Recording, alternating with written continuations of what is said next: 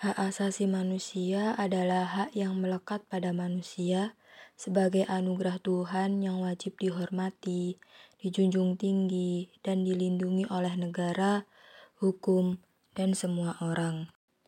Hak asasi manusia bersifat kodrati yang artinya hak asasi manusia adalah yang sudah menjadi kodrat manusia. Selain itu, hak asasi manusia bersifat universal, yang artinya hak asasi manusia berlaku di seluruh dunia. Hak asasi manusia juga bersifat langgeng, yang artinya hak asasi manusia adalah hak manusia dari masih di kandungan hingga meninggal.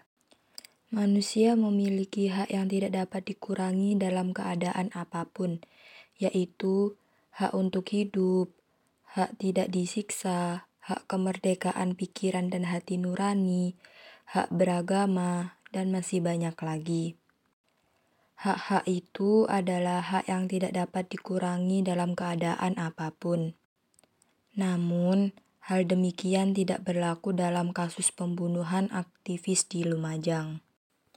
Latar belakang dari kasus pembunuhan aktivis di Lumajang adalah Salim Kancil merupakan aktivis lingkungan yang berada di Kecamatan Awar-Awar, Kabupaten Lumajang, Jawa Timur. Dia merupakan dari Forum Komunikasi Masyarakat Peduli.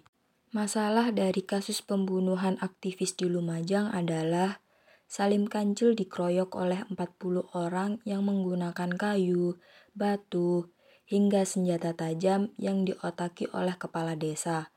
Dia dibunuh karena memprotes penambangan pasir di desanya. Aksi dalam kasus pembunuhan aktivis di Lumajang adalah kita harus berpartisipasi dengan cara jika ada yang melanggar, kita harus melaporkan ke pihak yang berwenang. Dan masyarakat harus tegas menolak segala sesuatu yang melanggar hak asasi manusia.